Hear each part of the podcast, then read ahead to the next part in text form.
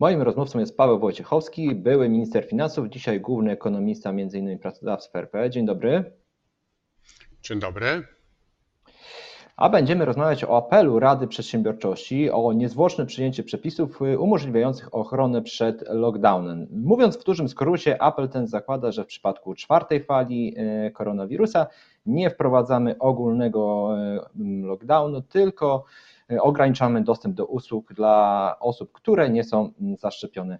Panie Pawle, co tak naprawdę kolejny lockdown w wersji, które znamy z poprzednich uderzeń koronawirusa może oznaczać dla przedsiębiorców, ale także i dla gospodarki?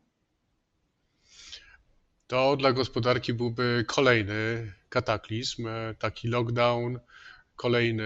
Mm, jeśli byśmy wzięli ekstrapolację poprzednich, oznaczałby koszt dla gospodarki około 50 miliardów złotych E, w największym stopniu e, dotknięty byłby sektor właśnie usług, około 25 miliardów złotych. No i państwo musiałoby również, e, ponieważ to państwo zamykałoby gospodarkę po raz kolejny, musiałoby również wypłacać potencjalnie odszkodowania, ewentualnie musiałoby udostępniać tarczę antykryzysową dla tych zamkniętych przedsiębiorstw.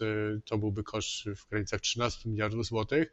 E, więc e, zdaniem Rady Przedsiębiorczości, naszym zdaniem, pracodawców RP, e, to nie jest konieczne. To jest najgorsze z możliwych rozwiązań.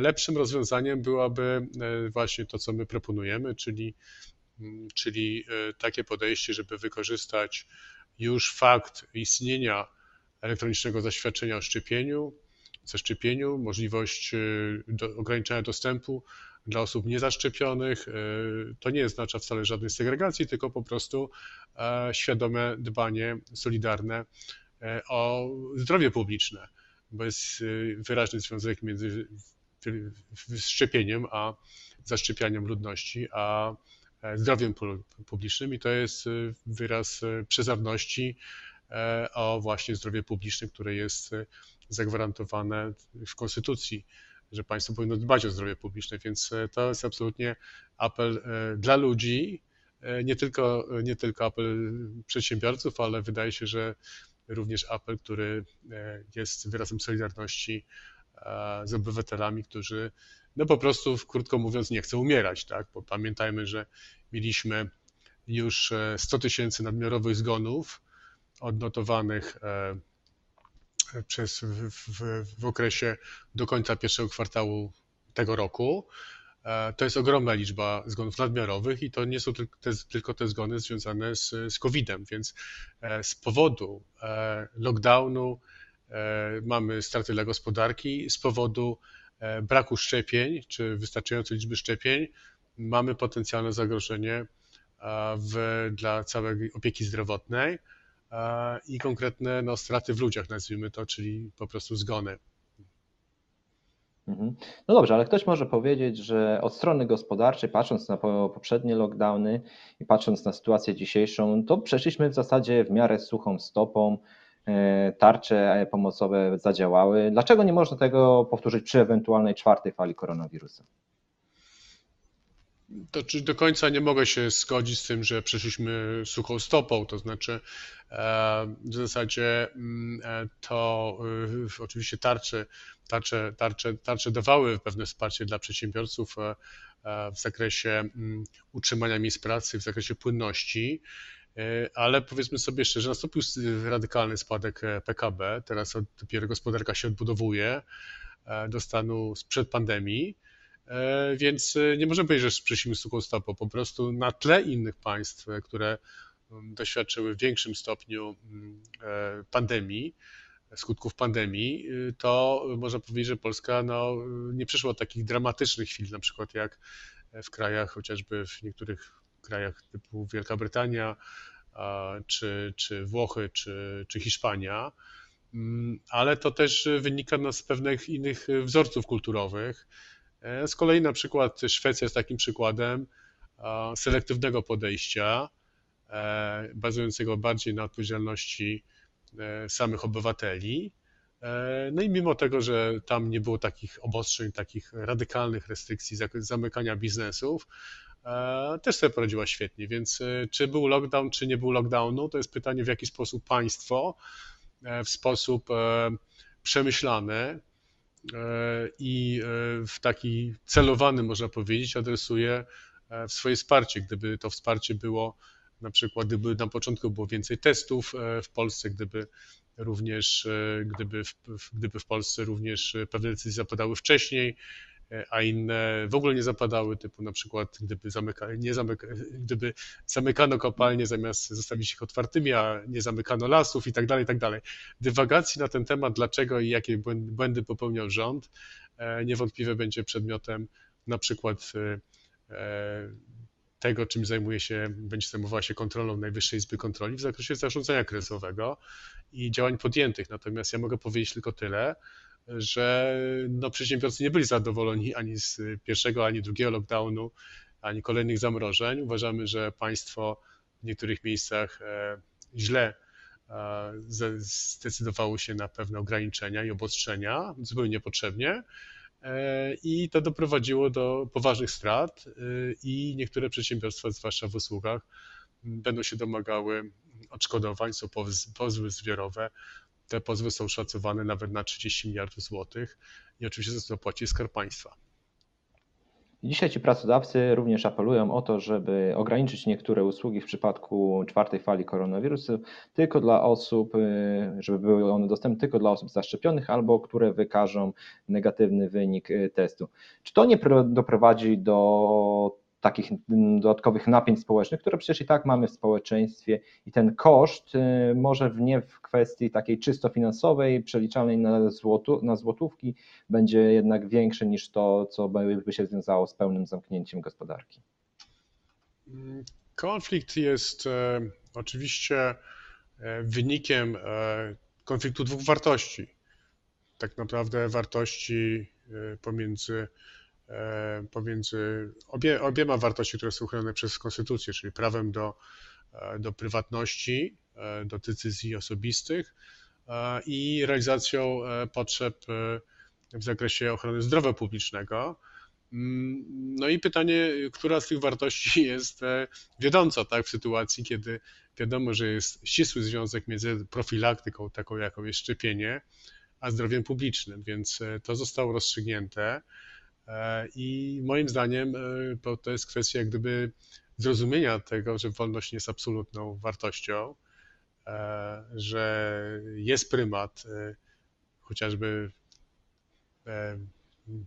prymat, prymat ochrony zdrowia publicznego nad taką wolnością indywidualną, tym bardziej, że szkody potencjalne, czyli na przykład efekty uboczne ze szczepienia czy, czy tych wszystkich y, potencjalnych y, propozycji, które zgłaszamy, czyli pewnej, jak Pan powiedział, segregacji, e, no nie są zbyt dotkliwe. To, to kwestia jest taka, że cała, cała, cały apel musi być proporcjonalny do tego, co chcemy osiągnąć. Nie chcemy, żeby ludzie umierali po prostu wprost.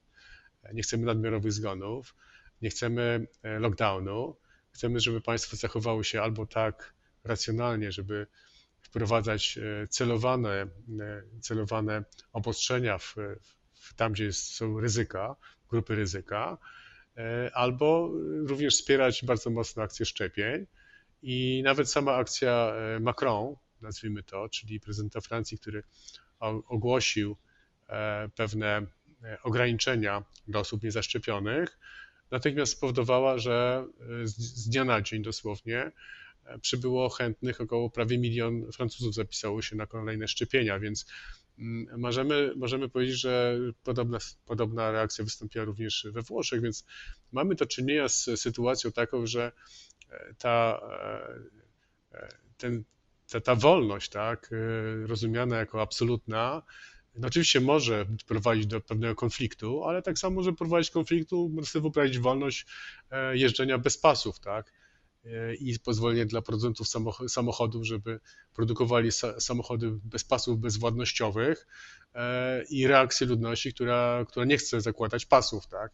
E, bo jeżeli ktoś oczywiście uzna, że szczepionki są szkodliwe, no to trzeba odwołać się do nauki, do dowodów naukowych i zobaczyć, jaka jest szkodliwość szczepionek no w porównaniu do e, szkodliwości niestosowania szczepionek, czyli możliwość zgonów covidowych i tych nadmiarowych, no jest to gigantyczna skala, nieproporcjonalnie większa niż, niż jakiekolwiek ryzyko, to minimalne ryzyko mierzone w promilach, to setkach, dziesiątkach, setnych promila, jeśli chodzi o, o szczepienia, które, które są po prostu czystą profilaktyką.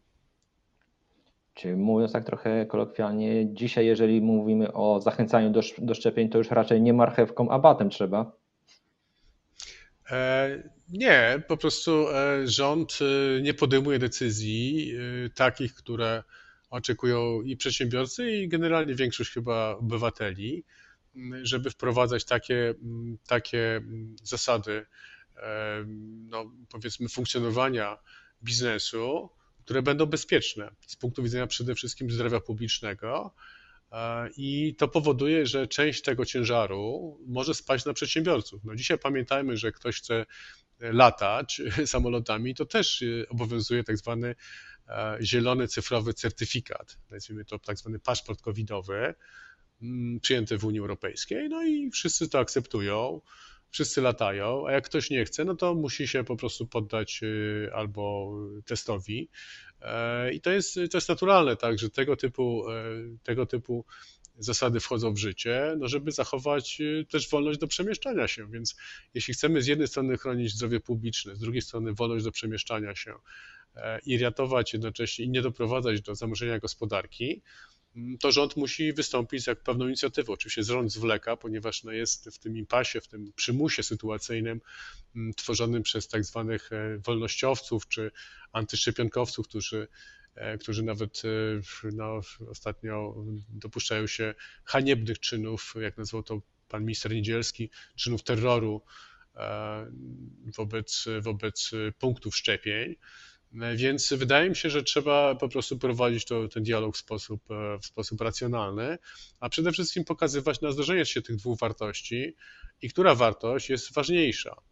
Elementem, który tutaj też jest dyskutowany bardzo często, to jest oczywiście element e, związany z, e, z RODO, czyli dostępem do informacji osobistych, tak, ludności, które, które mogą być które, które, które są e, przetwarzane. No i tutaj też e, jest oczywiście ca, cała, e, cała interpretacja i również argumentacja sądów w tym zakresie, również sądów unijnych, że takie przetwarzanie danych na potrzeby właśnie szczepionki, szczepionki czy, czy, czy systemu szczepień, wyszczepienia ludności jest niezbędne, związane z ważnym interesem publicznym którego i, i, i szczepienie i te, te przetwarzanie jest proporcjonalnie do wyznaczonego celu e, i w tym sensie nie narusza istoty prawa ochrony danych osobowych, więc powiedzmy sobie szczerze, e, kwestia jest taka, żeby wszystko było proporcjonalne. Jeśli jest promień ryzyka jakiś związany ze szczepieniem, efektów ubocznych, to jest tylko promień ryzyka.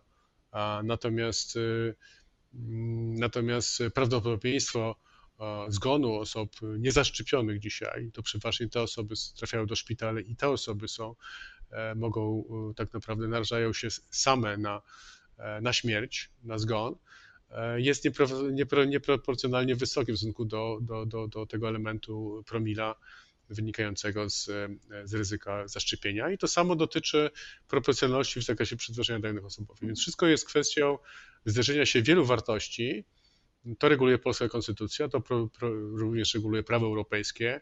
E, w prawie europejskim również był e, przypadek e, wyroku Europejskiego Trybunału Praw Człowieka w sprawie Wawriczka i inni w kwietniu tego, tego roku, kiedy, kiedy sąd Europejski Trybunał Praw Człowieka uznał, że obowiązkowe szczepienie dzieci nie narusza prawa do prywatności. Więc mamy do czynienia e, z wyrokami sądów, które zachowują się racjonalnie, rozstrzygając właśnie e, to spiętrzenie czy tą kolizję wartości. Racjonalność, proporcjonalność i dialog. Mam wrażenie, że to trzy najważniejsze rzeczy e, płynące z tej naszej rozmowy. Panie Pawle, bardzo dziękuję za poświęcony czas. Dziękuję bardzo i życzę wszystkim e, szczepień. Szczepień, tak jest. Paweł Wojciechowski, były Tak. minister finansów, dzisiaj między innymi główny ekonomista pracodawcy RP, był moim Państwa gościem. Dziękuję.